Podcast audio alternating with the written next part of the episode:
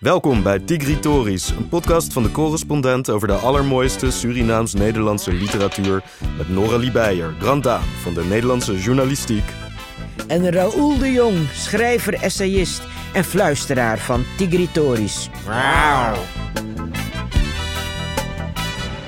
Hallo luisteraars, welkom bij Tigritoris. Al een tijd praten wij, Noralie en ik, in een eh, speciale werkgroep over de parels van de Surinaamse literatuur. We hebben een andere band met Suriname, we zijn van een andere generatie. Ik leerde mijn Surinaamse vader pas kennen toen ik 28 was. En pas toen dook ik voor mijn boek Jaguarman in de geschiedenis van Suriname. Ik ging op zoek naar de verhalen, helden en denkers uit het land van mijn vader. Um, en Noralie is van de generatie van mijn vader. Uh, ze heeft Surinaamse ouders, beide ouders zijn Surinaams. En veel van de schrijvers die ik ontdekte toen ik 28 was, heeft Noralie zelf gekend. Tijd om ervoor te zorgen dat deze schrijvers het podium krijgen dat ze verdienen, dachten we. En daarom maken we deze podcast, Tigritoris, een eerbetoon aan de schrijvers die elke Nederlander en Surinamer zou moeten kennen, omdat hun verhalen ons wat leren over het Nederland en Suriname van vroeger en nu.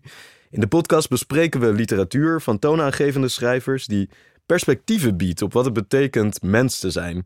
Die deuren opent naar onbekende hoofdstukken in onze geschiedenis en die niet alleen onze boekenkasten, maar ook onze levens verrijkt. Die Surinaamse verhalen noemen we tigritories, verhalen van de tijger, naar het Surinaamse gezegde: zolang de tigri niet gehoord wordt, de tigri is de tijger, eigenlijk de jaguar, blijft de jager de held. Want als we alleen de verhalen van de jager horen, blijft het verhaal incompleet. We hebben alle visies op de werkelijkheid nodig om die te kunnen zien zoals die is. Welkom bij Tigitoris. Hallo Noralie. Ja. Ja, we gaan vandaag praten over uh, een boek van Anton de Kom. Hij werd geboren in 1898 in Paramaribo. Anansi-tories. Ja, en het voelde vanwege meerdere redenen heel logisch om met dit boek te beginnen. Ja, ten eerste omdat Anton de Kom eigenlijk de Surinaamse schrijver is. Voor mij in elk geval, maar ik denk voor heel veel andere mensen ook. En hij was voor mij ook de eerste Surinaamse schrijver die ik ooit op het spoor kwam nadat ik mijn vader had ontmoet en me ging verdiepen in de Surinaamse geschiedenis. Ja, je komt dan eerst heel veel boeken op het spoor geschreven door zeg maar Nederlanders die vertellen over Suriname. En het eerste boek wat ik vond, dat was geschreven door een Surinamer over Suriname, was Bij Slaven van Suriname, geschreven door Anton de Kom. In 1934 heeft hij dat boek geschreven. Het is een prachtig boek. Het is het eerste boek wat die Surinaamse geschiedenis beschrijft vanuit het perspectief van de mensen die een slachtoffer waren van die geschiedenis. En voor mij ging het heel erg over ook, oké, die geschiedenis is verschrikkelijk zoveel erger dan je hebt geleerd op de middelbare school. Zoveel erger dan ik wist in elk geval. Maar het ging ook heel erg over hoe mensen die geschiedenis hebben overleefd. En hoe sterk die mensen daarvoor moesten zijn. En dat we als Surinamers ook trots mogen zijn dat we afstammen van die mensen. Ja, ja. dat we op hun schouders staan. Ja, we zijn op hun schouders. Ja. ja. Toch? Ja. zeg ik dat goed zo? Ja, dat zeg je heel goed. Ik heb Anton de Kompas leren lezen, leren kennen in een later stadium. Toen vond ik Wij Slaven van Suriname als een stencil in de boekenkast van een oom van mij. Ja. En dat heb ik toen genomen en gelezen. En niet dat het heel veel. Er waren passages die, die ik heel erg mooi vond. Een paar jaren later eigenlijk ging ik hem beter lezen. En toen dacht ik, jee, wat een mooi boek. Ja. En wat een mooie beschrijvingen van het land vooral. Ja. En toen was ik al helemaal into Suriname. Ja, ja, ja. dus ik vond die uh, beschrijvingen heel erg passen bij wat ik voelde. Ja. Dus het was een, een feest van herkenning. Ja, ja, ja. Ik wist dus niks van Suriname. Mijn vader is Surinaams, mijn moeder is Nederlands. Dus ik wist over Suriname wat je weet als gemiddelde Nederlander. Dat was toen heel weinig. Ik denk dat dat wel aan het veranderen is. Maar toen ik dit boek las, ik, en ik heb hard moeten zoeken om het boek te vinden nadat ik mijn vader ontmoette, ben ik naar een boekwinkel gegaan. En toen heb ik gevraagd, hebben jullie boeken over Suriname geschreven door Surinamers? En ze zeiden, nee, dat bestaat niet. En toen ben ik op internet gaan zoeken. En na lang zoeken vond ik toen dat boek, Wij Slaven van Suriname, van Anton de Kom. Bleken ze wel te hebben in de bibliotheek van Rotterdam. Maar het stond op een plankje met boeken over Suriname. En daardoor was ik nooit met het boek in contact gekomen. Omdat ik altijd het gevoel had dat er niks was. En ik opende dat boek in de bibliotheek van Rotterdam en ja, zo die eerste regels al werd ik doorgegrepen. En ik begreep, oké, ik heb mijn gids gevonden en dit boek, dit, niks gaat meer hetzelfde zijn. En dat was ook echt zo. Dat boek heeft mijn leven echt, eh, echt veranderd. Jij hebt het dus als stencil gevonden. Dus ook Ja. niet... Ja, want dat verhaal kende ik toen niet. Dat heb ik pas veel later gehoord. Ja, Dat studenten in de jaren, late jaren zestig dat boek gevonden hebben. En het zo bijzonder vonden. Maar het was een groep studenten die heel erg geïnteresseerd was ja, in wie ze waren. Ook de tijd van Wie Egisani, die politieke beweging, ons eigen ding. ja, Dat was dus in aanloop, een hele vroege aanloop naar de onafhankelijkheid. Mensen die zich heel erg bewust ervan waren wie ze waren en Ja. wat Suriname En was. dat waren Surinaamse studenten Surinaamse in studenten Nederland. in Nederland. Ja, En die hadden dus beslag kunnen leggen op die wijslaven van Suriname. En die hebben dat gekopieerd. Volgens mij hebben ze dat gevonden in de bibliotheek in Leiden, dacht ik. Hè? inderdaad. Ja, En dat hebben ze gekopieerd en verspreid. ja, En hoe dat bij mijn oom terecht is gekomen, dat weet ik niet. Maar het lag daar. ja, Dus ik heb dat in A4-formaat of iets groter zelfs ja. gelezen. En het was een stencil echt. Aan Ja. elkaar geniet. Ja. ja, want dat boek is in 1934 uitgegeven. Heeft toen maar één druk gehad. Ze heeft niet heel goed verkocht. En daarna is het eigenlijk doodgezwegen, vergeten. Totdat die Surinaamse studenten dat boek herontdekten. En dachten, nee, dit boek is wel belangrijk. Toen heeft het dus uiteindelijk wel een herdruk gekregen. Maar op de een of andere manier was het dus zo... Ik ben niet automatisch met dat boek in contact gekomen. Nee. Pas toen ik zelf op zoek ging naar Suriname. Er is natuurlijk heel veel veranderd in de afgelopen jaren. Ik denk dat veel mensen inmiddels wel Anton de Kom kennen. Inmiddels wel, gelukkig wel. Gelukkig ja. wel, ja. Ja. Hij hoort bij de, de kanon Zelfs nu. in de kaan. Toen Ja. hij in de kanon werd opgenomen, dat is eh, twee jaar geleden hè, bijna, denk ik. Ja, toen is het, kwam de opleving helemaal vast. Van ja, inderdaad, ja. Hij heeft een, eh, een eh, schrijversteen, is er onthuld. Schrijverszin, dat is net jaar. in de Nieuwe Kerk. Ja, inderdaad. Ja, dat is echt geweldig eigenlijk dat hij daar ligt tussen eh Vondel. bij wijze- Ja, liggen daar verder ook weer? Ja. We vinden vooral Anton de Kom interessant. Ja. Natuurlijk, hebben we wel Helle Hazen ligt daar volgens mij. Ja. En Michiel de Ruiter ligt begraven. Ja, die ligt daar begraven, Dus daarom is het ook alleen al mooi. Ja. Maar het ding is dus dat hij meer heeft geschreven dan Wij Slaven van Suriname. ja. Wij Slaven van Suriname is uitgekomen tijdens zijn leven, maar hij heeft allemaal andere dingen geschreven toen die niet zijn uitgegeven. Omdat mensen blijkbaar toen niet begrepen wat daar mooi aan was of waarom dat belangrijk was. En het mooie is, nu begrijpen de mensen dat wel. Want afgelopen jaar, 2022, is er een boek uitgegeven, Anansi Tories, Anansi Tories, met verhalen over de spin Anansi. Geschreven door Anton de Kom. Dat waren verhalen over de spin Anansi die Anton vertelde aan zijn kinderen voor het slapen gaan. En die heeft hij allemaal opgeschreven in een schrift. Rond de tijd dat hij werkte aan Bij Slaven van Suriname ook. Hij heeft het toen ook aangeboden aan een uitgeverij. Die wilde het niet uitgeven. En afgelopen jaar heeft dus eh, uitgeverij Atlas Contact besloten Ja. om deze verhalen uit te geven. Ja, dat is dus in het kielzog van de heropleving, zeg maar, van de interesse voor Anton de Kom. ja, Dat men, men ziet dat het niet alleen maar een activist was, ja, die nee. dus eh, streed voor de onafhankelijkheid, vrijheid van Suriname en, en later dus ook eh, tegen de Duitsers hier in Nederland. Het is een beetje wrang, hè? In Suriname Mhm. streed hij tegen koloniaal Nederland. Ja, En toen hij verbannen was hier naartoe, want ze hebben hem verbannen uit zijn eigen land. Toen hij hier dan in Nederland was, brak de oorlog uit. En voor wie gaat hij dus nou staan? Voor, Voor dat verdomde koloniale Nederland. ja. Omdat die bedreigd werden in hun vrijheid door de nazi's natuurlijk. En dat heeft hem zijn leven gekost. Heeft hem zijn leven gekost. Hij is aan het eind van de oorlog is hij opgepakt, waarschijnlijk verraden.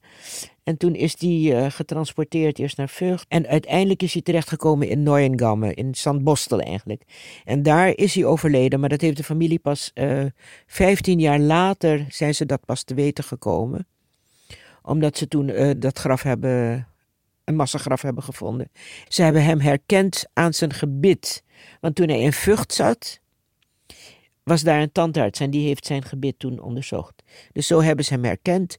En na 15 jaar is hij toen terechtgekomen op de erebegraafplaats Loenen in Nederland. Ja, Maar hij wordt vooral nou herinnerd als de vrijheidsheld van Suriname en de verzetstrijder voor, Ja. voor Nederland, wat hij ook was. was. Ja. Maar wat veel mensen niet weten, tot nu toe, en daar heeft dat boek Anansi wel toe bijgedragen, is dat het ook echt een schrijver was. ja, Hij was echt een schrijver. ja, Die, die, die teksten van hem, in eh, die Anansi-tories. Ja. En in Wij Slaven ook zijn Mhm. soms heel poëtisch. Ja. Hij kon heel mooi beschrijven, vond Ja. ik. Ja. Dus dat, dat vond ik mooi. Ik heb zijn dochter geïnterviewd, Ja. eh, Judith de Kom. Die zegt jaren, eigenlijk haar hele leven, heeft ze gewijd aan de nalatenschap eigenlijk van haar vader. En ik vroeg haar van, hoe was het om zo'n vader te hebben? Wat was het voor een man? Wat deed hij met jullie? Ja. Want zij was de jongste van vier kinderen. De jongste, die anderen waren jongens, zij was het meisje. Dus ze was wel een lievelingetje van hem. Ja. En daar vertelde ze, wat dit boek aangaat, dat hij elke avond Anansi Tories vertelde aan die kinderen. Ja. En die Tories, die verhaaltjes, die schreef hij dan op in een schrift. Ja. Maar hij vertelde nooit een heel verhaal. Mm. Hij stopte, hij stopte op een hoogtepunt. Dan zei hij, morgen ga ik verder. Ja. Maar die verhalen die staan dus hier opgetekend. Maar die Anansi Tories zijn natuurlijk oude verhalen ja. Die mee zijn gekomen met de, de mensen die ontvoerd werden door Afrika. Ja. Die namen toch hun cultuur mee. Ja. Ze namen verhalen mee. Ja. Ze namen rijst mee. Ik weet niet of je dat verhaal kent. Dat ze dat verstopt in hun haar. verstopt in hun haar. Ja. Ze namen natuurlijk hun, hun eigen verhalen mee. En ook hun hele geesteswereld die ze hadden wijzen. Ja. Ja, ook in die zin is het logisch om met eh, de Ja. En die beginnen. Anansi-tories die hij vertelt, dat Ja. zijn dus geen nieuwe verhalen. Nee. Maar hij gaf ze wel zelf een eigen draai aan. Ja. Hij ver- beschreef ze op zijn eigen manier. Ja. En dat vind ik het mooie aan het boek. Ja, hij heeft het voor Anton de Kom... Vercommiseerd. Ja, inderdaad. Ja. Ja, ja. En dat vind ik ook het mooie aan Anton de Kom. Ja. Aan, ook aan dat hele verhaal. Het is een heel verdrietig verhaal, maar op de lange termijn heeft hij gewonnen. Voor mij is hij een hele levende aanwezigheid. Ja, die nog de hele tijd toch dingen laat gebeuren. En Mhm. die, die op de lange termijn toch wel degelijk gewonnen heeft. En gez- gezien is. En ja, ja, uiteindelijk is het toch een hoopgevend verhaal voor mij ook. absoluut. Oké, ja. We gaan praten over Anton de Kom met... Met twee mensen die eigenlijk eh, nauw betrokken zijn geweest bij het ontstaan en het heruitgeven van eh, de Anansi-tories. Marcella van der Kruk van uitgeverij Atlas Contact. En Vincent de Kom, Anton de Koms achterkleinzoon. Ja. Ja, en daarna gaan we nog praten met twee mensen die dit boek voor het eerst hebben gelezen. En het Ehm, is Edward van de Vendel. En Ken Dorson. Edward van de Vendel is een eh, Nederlandse kinderboekenschrijver. En ik dacht het is leuk om met hem te praten. Nou ja, omdat hij dus niet uit Suriname komt. Maar ik denk jij en ik allebei het gevoel hebben dat dit boek leuk is voor iedereen. En Ken Dorson, kunstenaar uit Suriname, die zelf met Anansi-verhalen is opgegroeid. Maar nu voor het eerst dan de versie van Anton de Kom heeft gelezen van die verhalen. Eh, Over ja. de belangstelling van Anton de Kom gesproken. Ja. Die is dus heel erg gegroeid en gestegen door de kanon en Ja, daarna ook. En in het Openluchtmuseum in Arnhem hè, is er een grote doorlopende tentoonstelling. Die blijft wel een poos staan. En daar heeft Ken Doorson een hele grote sculptuur gemaakt van allemaal koppen van Anton. ja, Die eh, een grote toren zijn. ja, ja. Ja. En dan hebben we nog eh, Gerda Havertong. Ja, Die stukjes voorleest uit, eh, uit de Anansi-tories. ja van want Gerda heeft ook een hele geschiedenis als performer over Anansi Tories. Ze heeft een tijdje echt getoerd met Anansi Tories en dan had ze dus ook een drummer bij zich of een muzikant. Waarmee ze dus die, die mooie verhalen tot leven bracht. Ja. En ze heeft het voorwoord geschreven. En ze heeft het voorwoord onbelangrijk. Ja. Van, de die Anansi Anansi-tories. Tories. En tussendoor horen we muziek, liedjes over Anansi.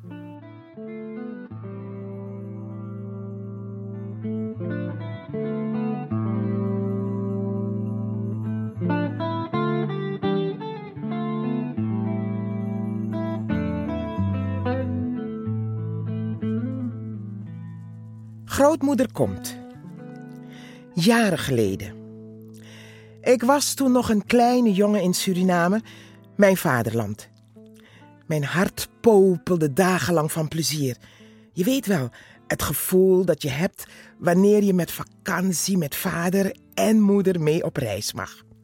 Nu, het klopte me van binnen van vreugde, sneller dan het getik van de schoorsteenklok. Grootmoeder komt. Ze zou bij ons thuiskomen. En natuurlijk zouden we haar om Anansi Tories verhaaltjes van de spin vragen.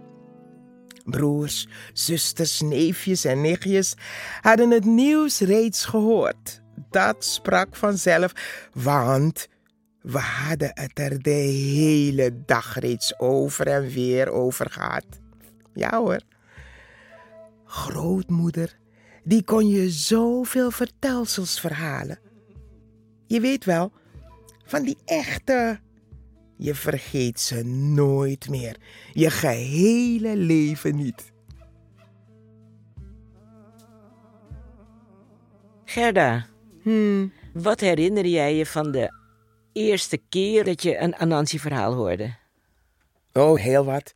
Want dit wat ik net heb voorgelezen, en mijn eigen oma heeft dit eh, gedaan. Alleen deed mijn grootmoeder het in uh, Sranantongo. En, en, en zij heette niet eh, oma, maar Alma. Alma is de uitspraak. Alma, ja, O-U. Alma. En mijn grootmoeder woonde op plantage. Dat is de plantage van mijn vader. Het is de grootmoeder van vaderskant. En die hadden een plantage Brunswijk. En daar kwam de, de kinderen, ze hadden kinderen, maar die woonden allemaal in Paramaribo. En dan ging je met de vakantietijden ging je daarheen. Nou, en ik was een van de oudere eh, eh, k- k- kleinkind. En als wij dus daar, ach, dat was zo bijzonder. Dat huis met die hoge stoep. Dat is allemaal deftig hoor, in dat, op die plantages. ja, die deden gewoon die witte mensen na. De, de, met de stoep en dan ging mijn grootmoeder altijd zitten, altijd op de derde tree. En wat voor een verhaal vertelde ze dan Van bijvoorbeeld? Anna Story. Oh, de verhalen dat. Anansi was altijd onaardig. Anansi, die was een gevaar eigenlijk. Die deed toch al- altijd eh, de situatie op een andere manier eh, oneer aan. Hè? Dat eh, maakte wel sterk. Je komt er sterker uit als je, als je Anansi zou nadoen of je zou Anansi. Dus op, op die manier. Maar mijn grootmoeder die vertelde ook een verhaal over jou. Dat je iets gedaan had. Dat is, het, dat is wat ik het eerst heb geweten. Dat je iets kan vertellen over iemand die iets gedaan heeft. Dat je daar zit te luisteren en je denkt... Hey. Heeft die iemand persoon. anders dat ook gedaan? Ja. Weet je wel? Ik ben a- met dat soort dingen heel erg opgegroeid. Eh, Je kan niet na zonsondergang beginnen. Je moet beginnen even voor zonsondergang. Dan is iedereen Oh. gebaat en dan zitten we daar. Want er komen muggen. Weet je, er komen muggen. Mijn grootmoeder komt met de smokopatu, de rookpot, om die muggen te verjagen. Je wordt door geen mug gestoken. En dan zitten we dan om er heen. Ja, dat, dat zijn hele plezierige herinneringen Ja. die ik heb. En ik heb altijd het gevoel gehad dat ik dat wil vertellen aan alles en iedereen. En, en heeft jouw oma dan ook weer van haar oma dit soort verhalen gehoord? dat weet ik niet. Maar ik- denk dat ze, mijn grootmoeder is wel een meisje dat uit, eh, of die, die tijd, het is wel een vrouw die ook slavernij heeft meegemaakt. Ja. Dat een kind van een slaaf was. Ja. Dus kijk, de orale vorm van wat wij doen in Suriname, dat is afkomstig van die tijd, van die slavernij. De verhalen zijn meegekomen en in, Ja. ik noem het in de fysiek van de mensen Ja. gedragen, om het oraal te kunnen uitspugen. En dat, naar mijn idee, in Suriname aardig goed gelukt. Want er werd niet geschreven. Nee, nee, de leescultuur bestond niet. Die Anansi-tories die jij verteld hebt, Mhm. en misschien nog verteld, op podia en zo, waar haalde je die tories vandaan? Daar had ik echt uit mensen, ooms, tantes. Dus eh, nee, ik ben gezalfd in tories, Ja. in vertellen. ja. In, ja, En jij, jij hebt ze naar Nederland gebracht ook. Toch? Je hebt... ze eh, zijn met me meegekomen. Ik ja. heb ze niet gevraagd, ze zijn met me mee, meegekomen. ja. Zeg ik altijd weer, want het is, het is, vertellen is geven en nemen. En ik denk, als we expliciet het hebben over onze Anansi-tories, daarvan kan ik wel zeggen dat ik wel van mening was dat iedereen Anansi-tori moest kennen. Ja, Ja. het post die ik kreeg, vooral toen ik bij Sesamstraat zat, Of, was dat je daar enorm. Ja, ook bij Sesamstraat? Daar waren ze niet zo Dat gebrand niet. op. daar waren ze niet zo gebrand op, maar ik heb natuurlijk... anders ben je Tussen Gerda de niet als je niet door. je kans pakt. en dat, eh, hè, weet je, dus... eh, Maar, mag ik nog één vraag stellen, toch? mhm. Want ik denk zeg maar dat heel veel dingen hebben die overtocht over de oceaan en die, al die verschrikkingen die mensen moesten doorstaan in Suriname en in dat hele Caribische gebied niet overleefd. Maar Anansi heeft het wel overleefd. Op de een of andere manier zijn we zijn verhaal blijven vertellen. Ja, waarom denk je is Anansi een van die dingen die het wel overleefd heeft? Ik denk, verhalen hebben een kracht. Er werd ooit eens gezegd dat in dat grote westen van Afrika, dat daar een, een, een mensenmassa leefde die allemaal op grote spinnen leken en zich gedroegen als spinnen. Dus de wijsheid en de kracht en dat eenvoudige geduld wat Anansi altijd heeft opgebracht, kun je vergelijken met wat het geduld wat zwarten hebben moeten opbrengen om hun leven die kleur te geven die het nu heeft. En ik denk dat Anansi altijd zal blijven leven, omdat Anansi heeft twee kanten, de goede en de minder goede kant. En dat vind ik terug in de verhalen van Adek, dat hij heel erg duidelijk wil maken hoe belangrijk het is dat er saamhorigheid is. En dat die saamhorigheid niet alleen een, een wisselwerking is tussen mensen. Het is een wisselwerking tussen mensen, dieren en de natuur. Mm. En dat brengt hij bij elkaar. En dat zijn de Anansi-tories van Anton. Er zitten zelfs politieke acties in. Activiteiten waarvan je denkt, dit is zo gewiekst om op deze manier zichtbaar te maken aan de wereld. Dat we een mascotte hebben welke ons kracht geeft, waar we iets uit kunnen putten, waar we een kleinigheid van onze beweging uit kunnen putten. Dat is wat Anansi Tories voor mij, ja, die, die power geeft het mij wel. Ik ben blij dat we het hebben. Ja. Ja, en ik ben blij dat het nu weer leeft. Para si, rela para bo. Para si, rela para bo. Mira petene rock maro, makasutene big machine. Mira petene regal stay, Banasi, banasi, Para si, Banasi, para bo. Para si, rela para bo. Mira petene rock maro, makasutene big machine. Mira petene London sport. Waarom is het voor iedereen, Surinamers en Nederlanders, een goed idee om Antons verhalen over de spin Anansi te lezen? Daar spreken we straks over met twee mensen, een Nederlandse schrijver en een Surinaamse kunstenaar, die het boek voor het eerst hebben gelezen. Maar eerst, hoe kan het dat het zo lang duurde voordat we deze verhalen überhaupt konden lezen? Waarom konden ze in de jaren 30 niet worden uitgegeven en wel in 2022? Wat zeggen ze over Antons schrijverschap? En hoe zien we wij slaven van Suriname daarin terug? Daar spreken we over met Antons achterkleinzoon, secretaris van de Anton de Kom Stichting en voorzitter van GroenLinks in Amsterdam, Vincent de Kom. En met Marcella van der Kruk, uitgever non-fictie van Atlas Contact, die zowel wij slaven van Suriname als Anansi uitgaf. Vincent, hoe zijn die Anansi-verhalen van Anton de Kom, dus je overgrootvader, bewaard gebleven in de familie? Eén. En hoe zijn die tot jou gekomen als kind, neem ik aan? Ja, Ehm, nou, eh, in zekere mate. En dan loop ik al een beetje vooruit op waar ik straks echt wel wat meer over wil zeggen. Is dat, kijk, Anton de Kom was eigenlijk altijd heel erg aanwezig in onze familie, maar ook weer niet. Dus het, het was eigenlijk een soort van ehm, iemand die er altijd was, maar waar niet per se super veel over werd verteld. Weet je wel? Dus ook niet per se over zijn nalatenschap. Wel van dit heeft hij geschreven. Ik wist wel als kind ook dat er meer werk was, dat het echt een schrijver was. Maar ik wist niet precies dat hij dan Anansi-verhalen had geschreven. Dat was meer dat ik daar later pas achter kwam toen ik bijvoorbeeld de biografie las en ehm, eh, documentaires terugkeek waarin eh, de kinderen van Anton de Kom daarover vertelden. Of bijvoorbeeld tante Judith. Eh, Judith de Kom, de dochter van Anton de Kom, die daar heel veel over heeft verteld. En ook het land rondtrok om daarover te vertellen.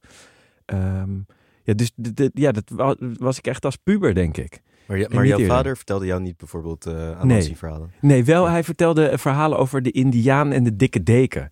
Eh, wat me heel erg bijstaat. Dus hij had zeg maar een soort equivalenten. Dat, dat had hij wel echt. Ja. Maar niet dan precies dat het een spin was. Dat kan ik me niet herinneren althans. Ja, als ik er nu zo over nadenk, is zit daar wel een soort parallel tussen. Dat, was, ja, ja. dat ging ook wel over een slimme Indiaan die dan de- goed over dingen nadacht. En weet je, ja. Ja, grappig. Ja, Ja. want eh, Anton deed dat ook. Hij vertelde Precies. Anansi-verhalen voor het slapen gaan. Ja, Maar hij schreef ze op in een schriftje. Heb, je, Ja. heb jij die, die schriftjes ooit onder ogen gekregen? zeker. Maar ook pas toen ik wat ouder was. Toen ik in het literatuurmuseum zat en eigenlijk gewoon die hele doos die daar ligt. Hè? Raoul heeft hem volgens mij ook gezien. Ja.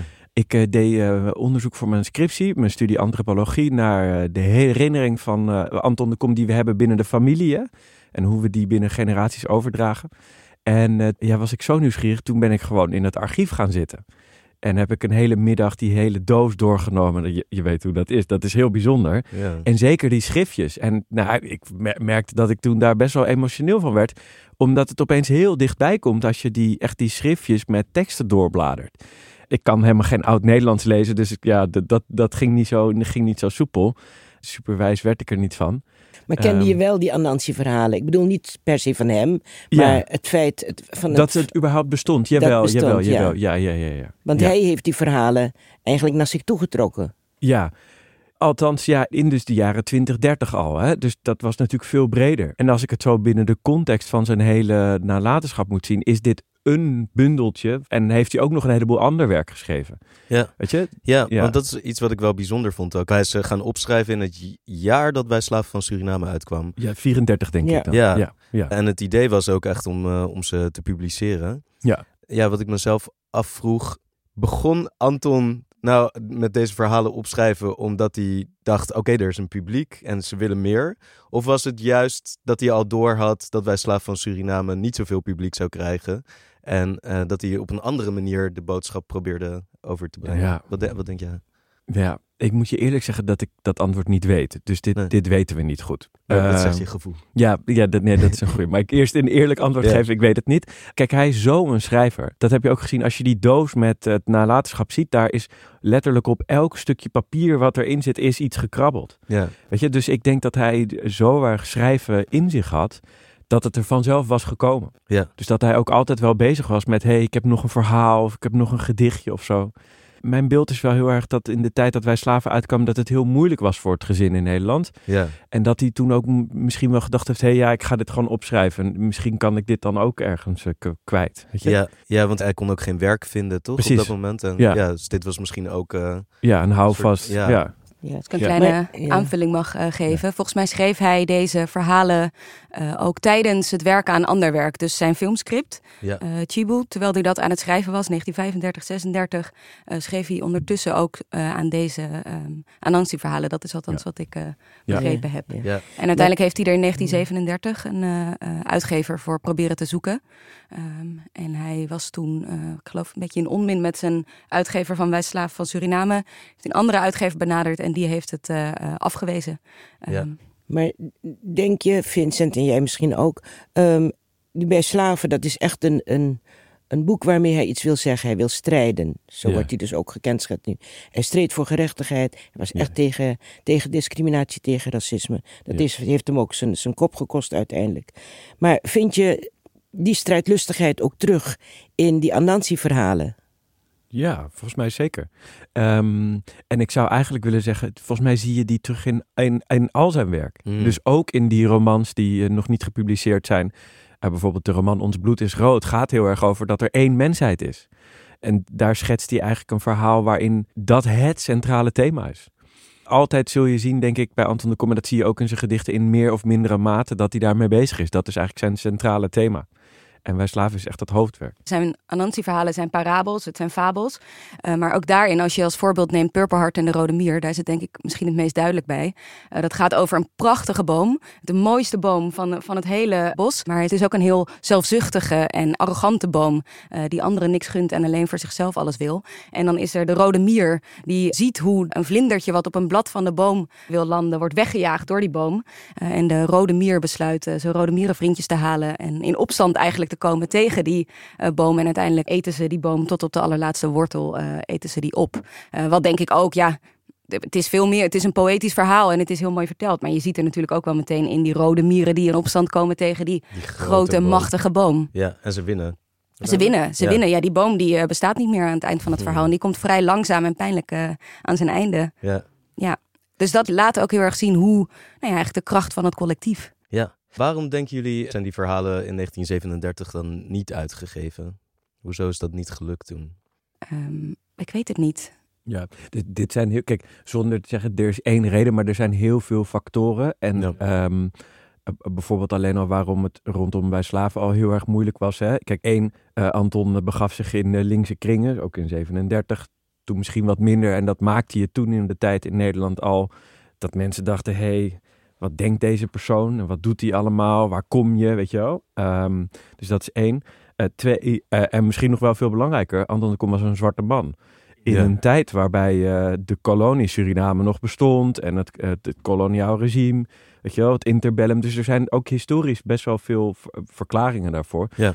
Maar dat is denk ik maar een stukje van de hele puzzel. Ja, En wat misschien ook speelde is dat het Wij Slaaf van Suriname is natuurlijk een heel atypisch boek. Ik vind dat er geweldig aan. Het, eh, maar in vorm is het helemaal niet wat de heersende mores van literatuur was van destijds. Want dat is gewoon een verhaal van A tot Z en vaak in, eh, in fictievorm. En dit is al een soort heel hybride vorm. En na dat werk, dat net gepubliceerd is, komt hij met een boek met deze kinderverhaaltjes. Misschien dat het ook vanuit die heel witte blik ook op wat literatuur is. Ja. ehm, en wat het uitgeven waard is of zo. Dat Ja. het daar niet in paste. ja. Want eh, er is wel in de jaren 60 eh, is eh Wij Slaaf van Suriname herontdekt, toch? Ja. Door een groepje Surinaamse studenten. En zij zijn toen ook dit verhaal, of dit, dit manuscript op het spoor gekomen. En ze hebben er toen voor gekozen om dat, om dat geen aandacht te geven eigenlijk. Eh, en waarom? En terwijl ze Wij Slaaf van Suriname, dat hebben ze. Uiteindelijk heeft dat geleid, eh, ertoe geleid dat het eh, herdrukt werd, die herontdekking. Ja. Ja, en dit manuscript is eh, in een doos beland en er is niks mee gedaan. Wa- wa- waarom was het toen ook niet het moment, denken jullie? Ja, eh, eh, nou, eh, wat mij betreft was het toen zeker het moment. Maar ik kan me heel goed voorstellen, want die studenten, dat waren vrij jonge studenten, die ook heel erg op zoek waren naar verhalen voor de natie Suriname. Om hun land groot te maken. En ik kan me zo voorstellen, als je dan het eh, boek Wij Slaaf van Suriname tegenkomt, dat je dan denkt, hé, hey, dit is het. Hier herkennen wij ons in. Dit is een boodschap die wij willen uitdragen. Ja, Ja. En minder bij Anansitorisch Ja, bijvoorbeeld. wat Ja. ik heb gehoord, en dat is dus van jouw tante Judith. Ja. Dat is, zij, zij had die schriftjes, tenminste haar moeder Haar moeder. had, ja. die, had die schriftjes. En die studenten zijn inderdaad daar terechtgekomen vanwege wij slaven. En toen heeft Ja. ze die schriftjes dus meegegeven. ja, Ja. En die zijn dus nooit meer teruggekomen. En die zijn verdwenen op een gegeven moment. Tot ze niet zo heel erg lang geleden op een zolder weer eh, gevonden zijn. En sindsdien is het gaan rollen. Tot je dus nu dat prachtige boek hebt gekregen. ja. Maar zij hebben er dus echt voor gekozen om, eh, ja, om die schriftjes eh, te verstoppen ergens op een zolder. Ja, dat weet ik niet. Geen Dan moeten we toch ik- maar eens vragen. Ik weet niet of jij ja, dat weet. Ik, ik, ken, ik weet, het is een, een beetje een mysterieus verhaal. Maar op een dag zijn er studenten geweest die, eh, die bij Nel, bij de vrouw van Anton de Kom, hebben aangebeld. Ja. En die schriftjes mee hebben gekregen. Dit was lang nadat eh, Anton was overleden. ja, dus Ja. echt na de oorlog, Ja. eh, in de jaren zestig. Ja. En Nel de Kom, die eh, had eigenlijk heel weinig met politiek. Ik weet niet of ze apolitiek was, want ik kan me bijna niet voorstellen dat als je samen met je partner bent in een land waarbij er zoveel gebeurt, omdat je partner eh, actie voert, om het zo maar te zeggen, dat je dan helemaal apolitiek bent. Maar, maar goed, het, het- zij moest niks meer van politiek hebben, zeker niet na de oorlog, en heeft die schriftjes meegegeven. En ik denk eigenlijk, ik vermoed dat die eh, onder meerdere mensen hebben gerouleerd. En ja, dat het, ja, als tien jaar later, dan verdwijnt het ergens op een zolder. Totdat ze opeens, plotsklaps, voor het verschijnen van de biografie, en dat was Mm. denk Ja. ik in 2007, geloof ik, zoiets, 2006, opeens op de zolder lagen van Vereniging Ons Suriname. Oh, Nou, ik, Ja, ja, ja. ik, Ja. ik geloof niet dat ze daar al heel lang hebben gelegen. Dat kan ik me niet voorstellen. nee. Dat een heeft wat met het ander te maken. Toen zijn Ja. ze daarna door de kinderen van Anton de Kom eh, aan het eh, Literatuurmuseum eh, gegeven. En daar liggen ze eh, nu in het archief. En wie is nou eigenlijk op het idee gekomen om die schriftjes dus echt te gaan bekijken en te redigeren Ja. en er een boek van te maken? Eh, Thea de Kom, dat is de dochter van Ad de Kom, de oudste zoon. Die is in haar eigen tijd ooit een keer begonnen met het eh, uitschrijven van die schriftjes. Omdat ze gewoon benieuwd was, en dat kan ik me ook voorstellen, want het oud-Nederlands is, ja, dat is niet altijd makkelijk te lezen, naar die verhalen. En ehm, ja, toen zijn wij gewoon met, met Atlas Contact gewoon een keer gaan kletsen daarover. En toen kwamen we eigenlijk tot de conclusie, ja, we kunnen hier eigenlijk al heel snel is dit een boek. Ja, doordat het was uitgetypt, was het ook voor mij weer makkelijk om, om, om al iets ervan te lezen. Ja. Het handschrift eh, vraagt best wat te bestuderen, maar dit was uitgetypt. Ehm, en toen spraken we elkaar weer. Toen was het eigenlijk meteen duidelijk dat we dit natuurlijk wilden uitgeven. Ja, En Ja, waarom? waarom? Waarom, ja. Omdat het zo'n ontzettend grote eh, vertelkracht heeft. En, ehm, en je ziet heel goed hoe het past in, in, ook in lijn met Wij Slaven van Suriname op bepaalde manieren. Waar ook die prachtige eh, natuurbeschrijvingen bijvoorbeeld in zitten. Eh, je voelt een soort ja, verlangen, liefde. Misschien in gelijke mate liefde en verlangen naar dat, naar dat land in die beschrijvingen. Het heeft, ja, het heeft zo'n grote zeggingskracht. Dat is gewoon literatuur van hele hoge kwaliteit. Wat ik heel mooi vind is dat eh, er is één passage in Wij Slaaf van Suriname... Ja. waarin hij ook eh, al eh, de spin Anansi aanhaalt. En daar vergelijkt met de, nou ja, met de, met de marons. Moet je maar eens voorlezen. Ja, zal ik dat Ja. eens bijpakken? Ja. Ehm, de daden der opstandige marons uit deze dagen herinneren ons aan de vaderlandse fabel van Anansi de Spin, die, gezeten op de rug van koning Tijger, zijn vijand door kleine maar giftige beten tot woedende razernij wist te drijven. De opstandelingen beperkten zich niet tot enkele overvallen, maar bouwden in de bossen hun forten, welke herhaaldelijk onneembaar bleken. Oeh. Is jouw beeld van Anton de Kom ook veranderd door, eh, door het lezen van dit boek? Nou ja, zijn schrijverschap. En ik denk dat dat iets is wat nog heel veel meer aandacht behoeft dan het nu al heeft gekregen. Echt zijn literaire schrijverschap is nog veel meer benadrukt voor mij. En ik vind Wij Slaaf van Suriname in literair opzicht ook een uitzonderlijk boek. Dat is zo ijzersterk en, en zo. ehm, ongeëvenaard. En dat hij dat ook in dit genre van deze sprookjes bijna, dat hij dat daarin ook kan. En, en dit is gewoon iemand die, een schrijver die in de volledige breedte van wat schrijverschap kan zijn, bekwaam was. En dat is echt uitzonderlijk. Dus ik, Ja. ja, ik weet niet. Ik ben benieuwd als, als, als het niet gelopen was zoals het gelopen was, hadden we, was hij misschien een van de grote drie of zo. Hadden we Mm. een rijkere grote drie gehad, namelijk een. Of, En, en even over het schrijverschap. Ja. Eh, wa- wat is er nog meer allemaal, behalve eh, de Anansi-tories? Ja, zo even gauw uit mijn hoofd zijn er nog twee ongepubliceerde romans. Is er nog een filmscript en een eh, theaterstuk. En gedichten. Ja, en gedichten, ja. Die Oh ja. ook al wel zijn uitgegeven, Ja. maar weer ook weer niet. Die, ja, dus eh, Eh, waar, waar ik ook benieuwd naar ben. De reden dat we deze podcast maken is ook omdat ik merk, bijvoorbeeld mijn boek komt vaak op een plankje met eh, boeken over eh, Suriname te staan. Het staat niet bij literatuur, maar bij Suriname of bij geschiedenis. Ja, i- iets wat me ergert. en, en het is iets wat veel gebeurt met Surinaamse schrijvers. Merk je dat ook met dit boekje bijvoorbeeld? Is, Ja, nou ja, kijk, ehm, de, de, de ondertitel die wij, die wij heb- hebben gegeven is eh, Verhalen van de Surinaamse Spin. Het is een beetje een koord waar je probeert zo goed mogelijk overheen te dansen. Want je wil het recht geven, je wil laten zien, hier komt het vandaan en dat wil je uitspreken. ja, Dus je wil het niet op wat voor manier dan ook niet verdoezelen of zo, dat wil je niet. nee.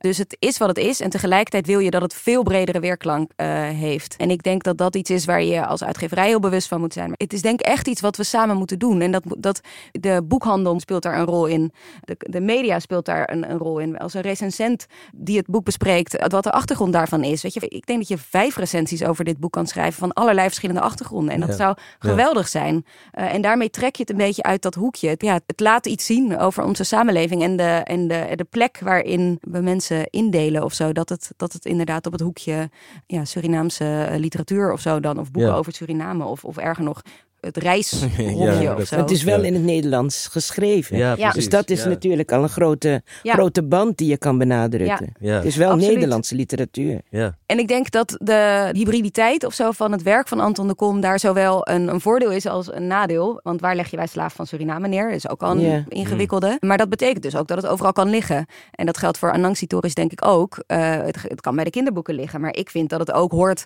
eh, bij, de, eh, bij de volwassen literatuur. Want nou ja, ik zie niet in waarom je als een kind meer dit boek zou moeten lezen dan volwassenen. Het is voor iedereen. Ja. Eh, je kan het desnoods dan ook maar bij, bij, eh, bij de Surinaamse eh, literatuur leggen. Maar dan op verschillende plekken. En dat is zowel een beetje de zwakte, maar ik zie het toch vooral als een kracht. ja, ja. Ik wilde nog iets vragen aan Vincent, als het mag.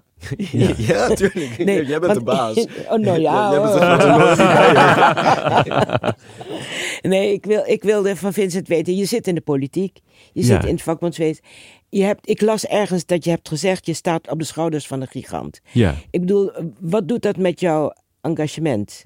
Eh, voel je je daardoor extra verantwoordelijk bijvoorbeeld? Ehm, ja, dat kan ik niet ontkennen. Ik denk dat ehm, een van de redenen waarom ik mij altijd in zal blijven zetten voor de publieke zaak, is dat mijn uh, overgrootvader Anton de Kom is. Zo zie ik dat wel. Maar goed, zo zie ik dat. En andere mensen in mijn familie zullen dat zo niet zien. Weet je? Dus dat gaat dan ook heel erg over hoe, hoe, hoe vertaal je dat persoonlijk. Ik ben enorm aangetrokken tot het gedachtgoed van Anton de Kom. En maak dan vervolgens in mijn hoofd de koppeling met: hé, hey, maar dan moet ik zelf ook iets doen. Weet je, wat natuurlijk niet iedereen doet. En dat is iedereen's goed recht. Maar zo ga ik er zelf mee om. Ja. Ik zit toch nog met een vraag. Dat wat je dus allemaal beschrijft van iemand die zo veelzijdig is. En zoveel kan en ook tot de harten van mensen spreekt. Dat hij toch zo lang onder de radar is gebleven. Ja. Dat vind ik toch een puzzel.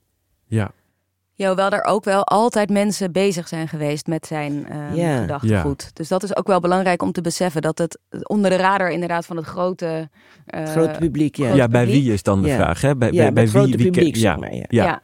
Um, dus ik denk dat het ook heel belangrijk is om te erkennen uh, dat er wel altijd mensen mee bezig zijn geweest en dat hij nooit vergeten is. Ja. en dankzij dat werk van al die mensen in de jaren 60, 70, 80, 90, 2000 kunnen wij nu hier zitten en het over dit boek hebben. Ja, precies. Want dat is dan, weet je, op elkaar schouders staan, denk ik. Weet je, als je het ook hebt over eerherstel voor Anton de Kom, dat is, dat is helemaal niet alleen iets van de familie of de stichting, maar dat is echt iets van generaties.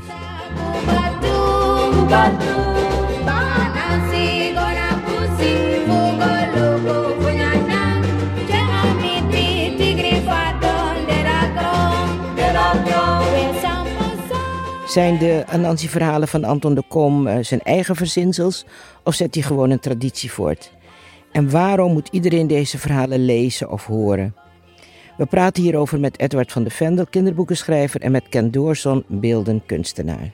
Ja, Edward van de Vendel, 58 jaar, is een van de grootste en meest bekende uh, kinder- en jeugdboekenschrijvers van uh, Nederland. Hij heeft een enorm oeuvre. In 1996 verscheen zijn eerste boek en inmiddels staan er meer dan 60 boeken op zijn naam. Soms publiceerde hij meer dan drie boeken in een jaar. Hij heeft zo'n beetje alle grote prijzen gewonnen. Vele malen de Zilveren Griffel en de Woutertje Pieterse prijs. Zijn boeken zijn in een miljoen talen vertaald. En uh, zelf vertaalt hij ook nog uh, boeken van andere schrijvers naar het Nederlands. Ooit werkte hij in het onderwijs, net als zijn moeder en zijn vader. En hij werd geïnspireerd en geraakt door de boeken van Guus Kuijer, Paul Biegel, Wim Hofman, Els Pelgrom en de jeugdromans van Imme Dros. We woonden een tijdje in dezelfde straat. Hij is, kan ik wel zeggen, een goede vriend van mij. Een van de mensen die mij vrolijk maakt. En hij was ook een van de mensen die mij hielp bij het vinden van de formule van Jaguarman. Mijn boek dat een ode is aan de Surinaamse schrijvers die voor mij kwamen. Ik word ook vrolijk van Ken Doorson. Hij is kunstenaar, hij is geboren in Mungo in Suriname, woont en werkt afwisselend in Suriname en in Nederland. Bekend om zijn kleurrijke portretten in een historische context, daar hebben we het zo direct nog over. Hij schilderde bijvoorbeeld Bonnie, de vrijheidsstrijder uit de 18e eeuw, vlak voor, voor zijn executie. executie ja. Hij maakte ook in 2016 Manumission Pauline. Dat is een fictief portret van Jacoba Paulina Huizen, dat een ander perspectief biedt op ons gezamenlijk verleden. Het schilderij is aangekocht door het Amsterdam Museum. Ik ontmoette Ken een paar weken geleden voor het eerst in levende lijven. En het was in het vliegtuig op weg van Suriname naar Nederland. Ken kwam terug voor de opening van de Anton de Kom tentoonstelling in het Openluchtmuseum Arnhem, waarvoor hij een sculptuur heeft gemaakt. Welkom Ken, wat heb je nou gemaakt voor Arnhem? Nou, ik heb een, een, het is een kegel waar ongeveer 300 geboetseerde koppen aan hangt. Met een hologram van Anton de Kom zwevend boven de koppen. En wat wilde je daarmee uitdrukken? Nou, eigenlijk uh, Anton de Kom op een voetstuk plaatsen. En ook dat het hele belangrijke waarbij al de mensen die Anton de Kom kwamen voor uh, een soort van advies. Aan wie hij een, ieder een luisterend oor had voor hun problemen. Ja, was ja. je bekend met Anton de Kom überhaupt en met zijn werk? Nou, ik was bekend met Anton de Kom. Dat is pas eigenlijk, even kijken, dat was uh, toen ik een jaar of acht of negen, hoorde ik wel de, de, de liedjes waarin Anton de Kom zijn naam voorkwam. En kort daarna de, zijn portret op de biljetjes. Meer wist oh, ja. ik niet. En ja, sinds ja. kort ben ik me meer gaan verdiepen in zijn gedachtegoed.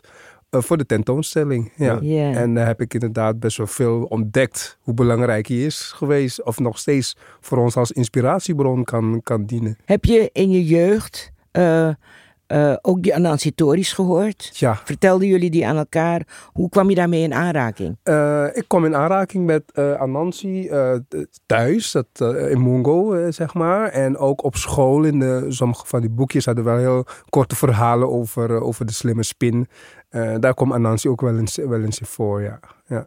Volgens mij was het een, dan waren het boeken van Wij en de Wereld of zo, denk ik. Oh ja, dat Ja. was Kan een ik me nog leesboek. herinneren? Ja. Ja, Ja. ja. volgens mij komt, er- komen daar ook Anansi-verhalen in voor.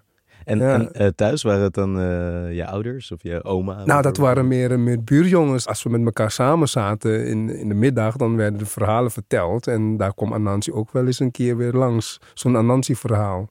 Banansi, weet je, dat soort, dat soort, zo noemden we hem. Ja. Ja, Banansi en zijn vrouw is. Makuba. Makuba, ja. En hoeveel kinderen had hij wel niet? ja.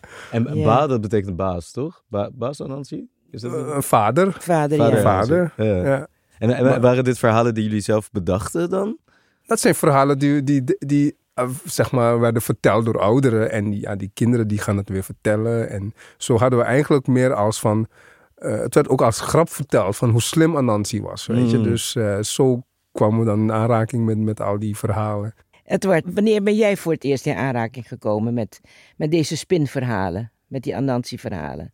Nou, in, in de loop van de, van de geschiedenis eigenlijk van de kinderboeken in Nederland zijn er een aantal keren Anansi-verhalen uitgegeven. Eh, de allerbekendste is denk ik Noni Lichtveld. Ja, klopt, ja. Ja, die heb ik denk ik ooit gelezen. Ja, Dat is echt wel ja. een tijd geleden. En zo, ja, dat, dat gaat in golven. Van tijd tot tijd dan komen er weer nieuwe versies van. Of, ik een paar jaar geleden had Brian Elstak, die trouwens ook de tekenaar van dit boek is waar we het nu over hebben. eh, die heeft Tori, zo heet dat, een boek bij Das Mag uitgegeven. Dat zijn eigenlijk op de Anansi-verhalen gebaseerde nieuwe verhalen. Dus zo heb ik wel, nou, ik denk toch wel een stuk of vier, vijf verschillende versies steeds gelezen. Ja. ja. En was er iets van een herkenning voor jou bij? Of was het iets nieuws waar je mee in aanraking kwam? Dat is totaal nieuw. Ik denk dat er weinig raakvlakken waren en zijn met de Nederlands-Nederlandse cultuur, zeg maar. Ook omdat, en dat vind ik ook zo tof van, van dit boek, eh, omdat het vaak helemaal niet zo lieflijk is.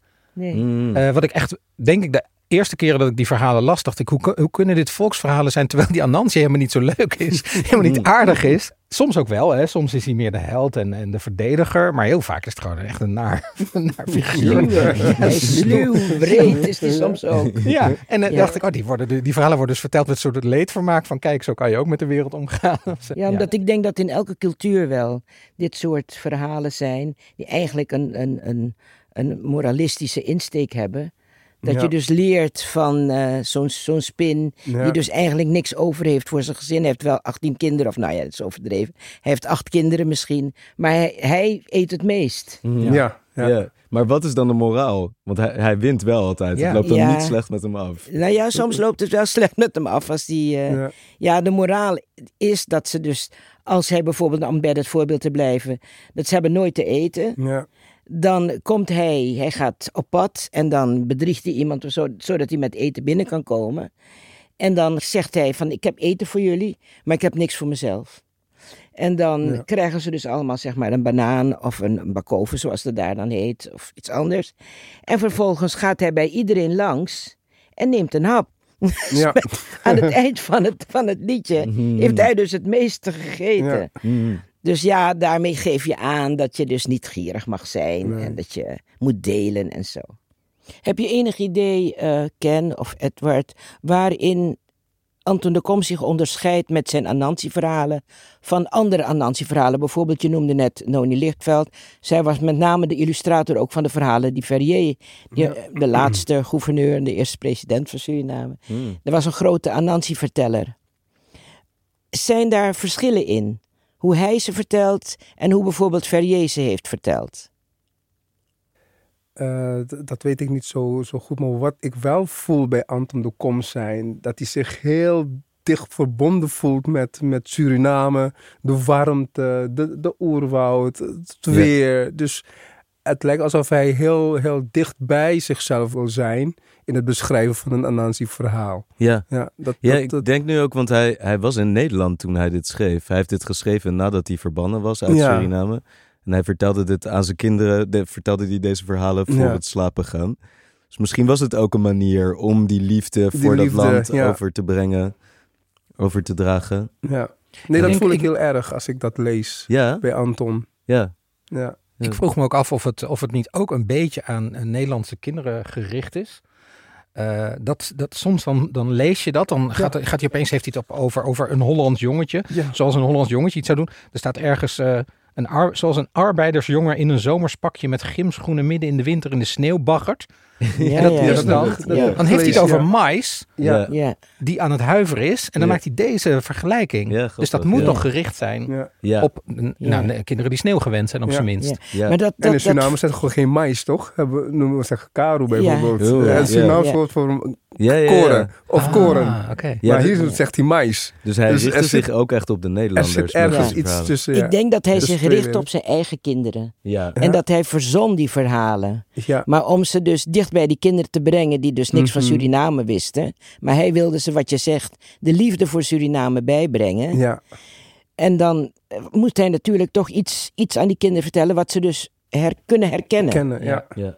Ja. En dan Ja, hij- kom je hij- inderdaad op sneeuw en... Ja, en een beschuitje met muisjes. Ja, Ja, ja, ja, ja, ja. Midden in, in de fantastische beschrijvingen van, eh, Ja. nou ja, van de dorpen en van het landschap Ja. hebben we opeens een beschuit met muisjes. Ja. Vind je dat dan ook fijn als Nederlander? Om, om dat soort eh, vergelijkingen af en toe ineens te hebben? Helpt Nee, dat niet, dan? niet, niet precies. Maar wat ik. Kijk, ergens. eh, vertelt in het laatste verhaal. Het zijn vier verhalen. In het laatste verhaal. eh, daar, daar is. eh, Acropina is een me- meisje, dat is de hoofdpersoon. En daar staat dan. Zij at de woorden uit de mond van de spin. En dat is, vond ik, wat er gebeurde bij mij. Dus ik ging de, de woorden uit de pen van Anton de Kom eten. Dat wil Oeh. zeggen dat ik dus. Wat ik vooral echt fantastisch vond, is zijn stijl. En Ja. ik, ik was helemaal betoverd. Jij noemt het, eh, je hebt het naamwoord geschreven, Roel. Je noemt het Ja. ook tovenarij. Dat zit er echt in. Mhm. Dus voor mij is het grote verschil met eerdere verhalen die misschien meer voor de moraal verteld werden, is dat hier een schrijver aan het woord is. Oeh, Ja, ja. Wat Ja. heerlijk. Zo Ja. fantastisch. Ja. ik eh, heb de hele tijd zinnen aangestreept. En mm, ik dacht van, wow, dat je dit zo kunt zeggen. Ja. Ik was ook benieuwd, eh, Edward. Ik heb gemerkt de laatste jaren dat vaak als je eh, Nederlanders zover wilt krijgen om, eh, om een boek van een Surinaamse schrijver te lezen, dat, dan moet je ze een beetje overtuigen. Dat gaat niet automatisch. En ik belde jou en jij had dit boekje gewoon al gekocht. Jij Ja. wilde dit al gaan lezen. En ik ben heel benieuwd waarom was dat. Nou, eh? doordat ik twee jaar geleden on- ongeveer tegelijkertijd ken dat jij Wij Slaven van Suriname las, denk ik, ben ik dat ook gaan lezen. Ben ik ook heel erg in, in het leven van Anton de Kom gaan, gaan verdiepen en heb een biografie gelezen enzovoort. Ook eh, Raoul, doordat wij elkaar kennen en ik wist dat jij ermee bezig was. Maar ja, ook wel vanuit een soort eh, verwondering en bijna ook een soort verontwaardiging. Dat ik echt wel heel veel Surinaams-Nederlandse mensen heb gekend, maar nooit hun, hun literaire opvoeding heb meegemaakt. Gewoon omdat, ja, voor mij is dit is ne- ook Nederlands cultuurgoed en we hebben het gewoon niet gelezen. ja. Dus nu voel ik een soort haast om in te, om in te halen, om dingen weer. En, en dus niet eens zozeer een, eh, dat dat nou een soort, soort eh, politieke eh, slimme manier of een handige manier is of zo. Maar gewoon omdat die, omdat die schrijvers zo fantastisch zijn. Ja, ja, ja. Mag ik één zin, gewoon even om te bewijzen, één zin zeggen? Ja. De uren kropen langzaam als vette slakken over een mals slaabed heen. Oh, god, Wow, als je dat toch kan schrijven. Ja. Ja, ja, ja, ja. Wat mij ook opvalt, is wat ik ook wel eh, van vroeger herkende, dat de tijd enorm lang duurt in zo'n verhaal. Ja, Ja, ja. Nou, als die verhalen lijken eindeloos Uitgestrekt. Ja, ja, ja. uitgestrekt. Dat herken ik hier ook wel weer. Maar vond je dat fijn of, of, of vond je Nou, het een beetje natuurlijk, saai? het houdt de spanning in. Ja, ja, ja, ja. Ja. Dat, dat gebeurt hier ook. Ja. Ja. Maar een kenmerk van die Anansi-verhalen is ook dat je dus kan inkomen. Dus Ja. jij begint iets te vertellen en dan kan ik eens van ja, maar dit is dat en dat is ook gebeurd. Zijn vaak actueel ook. Vaak Ja. eh, zijn het dus ook, er zit ook vaak roddels in van wat er daar en daar is gebeurd en wat die Ja. en die heeft gedaan. En dan ga jij weer verder en dan Ja, gaat jij klopt. weer verder. klopt. Ja. Ja, En dat zie je toch wel, hij heeft het heel erg mooi gestileerd. ja. Maar zeg maar, ik, dat de karakteristieken van bij elkaar zitten en een verhaal vertellen, Mhm. dat vind je toch wel terug, vind ik hierin. Ja. Ook al is het heel mooi stilistisch eh, Ja. vertaald Ja. verder. Maar wat ik ook heel mooi vind, want deze Anansi-verhalen, die gaan eigenlijk terug tot Afrika. Afrika. Ja. Ja, het zijn Akan-volksverhalen, Mhm. toch? Die niet alleen in Suriname verteld worden, maar ook in eh, Jamaica bijvoorbeeld. Dus dat deed hij ook met het doorvertellen van deze verhalen. Die, die cultuur en traditie en langere lijn doorgeven. Da- dat vind ik er ook heel mooi aan en fascinerend. Da- da- dat vind ik dus ook gaaf dat jij dat ook hebt meegekregen, Ja. Ken. Ja. Ja, Want die, wa- was het bijvoorbeeld ook je oma die jou dan soms verhalen vertelde? Of... Nou, waren niet zozeer oma's. Het waren juist mensen die bijvoorbeeld bij mijn oma langskwamen. Er waren, of zijn het buren en zo. En dus zij vertelden. Of de buurjongens die zaten om een uur of eh, zo rond schemering zaten we inderdaad zo bij zo'n eh, zo'n klein kampvuurtje. Ja. En dan was, zaten ze de verhalen te vertellen. En dan kwam een Nancy-verhaal weer bij. En dan kwam zo'n ouder ook bij zitten. En Ja. Dus zo ging dat. eh, ik kan Ja. me herinneren als kind toen ik op de vakanties, hè, zeg maar in de vakanties naar Mongo ging bij mijn grootouders. Ja. Dus ja. Ja. Ze reageerden dus op wat er hier in het nu gebeurde. Maar sommige van die verhalen, die geven volgens mij ook boodschappen over bijvoorbeeld hoe je de slavernij kan overleven. Of hoe je, hoe je toch... eh, Ik denk inderdaad heel meer subtiel hoe je, hoe je, overle hoe je kan overleven. Ja, ja, ja. dat meer. ja, ja. Dus al die, die, die, die slimmigheden van, van Anansi, die werden naar boven gehaald. En, eh, en dat hij weer Batigri bijvoorbeeld weer te pakken had gekregen. Dus dat, soort dingen, de ja. tijger, ja. Ja. ja, Dus eh, dat kwam heel sterk naar boven. ja. Ja. Dus er staat een soort eh, zinnetje in ergens. Eh, een spin is erg slim, al is hij niet sterk. Hm. Dat heb ik eigenlijk wel vaker gelezen in Ja. de Nancy-verhalen. Is dat ook, Dat is ook zo. herkennen jullie dat ook als zinnetje wat altijd in die verhalen ja, het is voorkomt? altijd zo. Hij Altijd is zo. eigenlijk een nietig beest. Ja. Ja. Met zijn acht poten, wat kan die? En het, dat, het contrast is natuurlijk daarom des te mooier. Omdat Mhm. het zo'n nietig beest is. Ja, Maar al die heldenverhalen, al die heldendaden die hij doet. ja. Dat maakt het natuurlijk voor mij als kind was dat echt geweldig. Hoe kan zo'n klein beest, Hm. waar je het eigenlijk een beetje eng vindt. Weet je, want het was dan ook Annie Schmid, die had de spin Sebastian, die moest je dus in een, in Ja. een hoek vegen. maar tegelijkertijd hoor je dan die Anansi-verhalen. Ja. ja. Wi- Wilde je dan als Anansi zijn ook? Was dat eh, als je, wat het deed als je deze verhalen hoorde? Vraag je het aan mij, hè? Ja. En, Eh, en jullie allebei. Nou, ja, ik, wel vol bewondering. Ja. Bij mij ook een bewondering. Ik kan me herinneren dat die, die, die tekeningen in die boekjes ook wel heel, heel leuk waren. Anna had altijd een hoed op. Oh, ja. En soms had hij ook wel eens laarzen. Ja. Dus eh, dat vond ik geweldig. Ja. ja. Die zijn ook mooi, hè, deze tekeningen die Brian heeft gemaakt. Brian Elstak in dit boek. Heel mooi. Ja. Wat ik zo fijn vind is dat er niet per se lieflijke tekeningen zijn. Dat past Nee. ook helemaal niet bij deze Nee. hoofdpersoon. Nee. Maar hij heeft gewoon acht ogen, wat best eng is. Ja. Ja. Hey, en eh, jullie hebben allebei een stukje uitgekozen ook eh, wat jullie heel mooi vonden, Oh, toch? ja. Ja, eigenlijk kun je, je kan elke bladzijde, eh, Ja. kan je Ja. iets vinden hoor. Dat is echt geen punt. Maar om het een beetje te snappen is het wel slim om misschien een begin van een verhaal. En dit is het, eh, het begin van het eerste verhaal. En daar vind ik, ik lees maar een heel klein stukje voor, maar ik vind vooral eh, hoe, je, hoe hij je binnen laat vallen in, in de omgeving van het verhaal. Je bent er echt meteen. Dus dit is het verhaal Anansi is hen te slim af, zo heet het. En dan begint het zo. Het was een pracht van een morgen. De zon bespoot de toppen van de sinaasappelbomen met gesmolten goud. Wauw, dat vind ik al echt geweldig. De vogels waren erg blij. Ik lees zo verder, maar dat je dan zo'n simpel zinnetje na zo'n ingewikkelde zin zet, dat is echt schrijverschap. Bloemengeur drong door velden en hutten. Alle dieren hadden plezier. Een speels hert dronk luid lachend van het zwarte water uit de kreek. Op de oever van de grote rivier kropen knorrende krokodillen. Vandaag had Anansi werkelijk zin om de andere bosbewoners een poets te bakken. Anansi vond het beter op stap te gaan. Hier gebeurt toch niets bijzonders, had hij tegen moeder Spin gezegd. Een avontuur heb je zo nu en dan wel eens nodig. Nee. Ja. Ja, Ja. het is heel mooi. Ja, ja heel ritmisch ook. Ritmisch, Ja. ja. Ja. Wat ik zo, wat ik zo heel, heel, heel bijzonder vind, is dat hij, wat ik als ik terugkijk naar de geschiedenisboekjes van Suriname, hoe ze Suriname beschrijven als El Dorado. Het, het land van de goud. En dat, dat zie je terug in een stukje waarbij eh, bijvoorbeeld eh, de donkere mannen en de vrouwen leren de kinderen de sporen te onderscheiden tussen bijvoorbeeld snelvoetige, traaglopende en kruipende dieren, het bewegen van de zon, maan en sterren, het zwellen van en mager worden van de rivieren. Er waren meer en zo zijn men die goud in overvloed hadden. Mm. Ja, dus eh, ja. dat, Ja. dat Eldorado gevoel Ja, ja, ja, ja. beschrijft hij. Ja. Ik vind dat geweldig. Ja, Ja, ja, ja, Ja, ja. ja. heel mooi hoe hij Ja. dat doet. ja. Ja, Ja, zo heeft hij dus die Anansi-verhalen ja, zich eigen gemaakt. En heeft er gewoon nieuwe een verhalen nieuw, ja. ja. van gemaakt. Bedankt voor het luisteren naar Tigritories. Dit was een podcast van de correspondent. Regie en productie Jacco Prantel.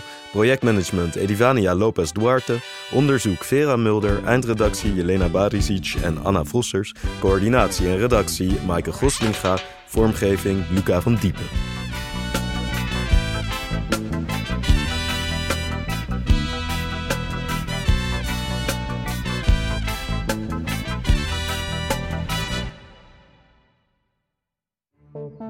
Het is de missie van de correspondent om voorbij de waan van de dag te gaan. Onze correspondenten voorzien het nieuws van context en schrijven over de grote thema's van deze tijd. De correspondent geeft me de vrijheid om mijn nieuwsgierigheid te volgen en de tijd om verhalen te schrijven. En zo probeer ik onzichtbare structuren zichtbaar te maken en een andere kijk te bieden op debatten die het nieuws domineren.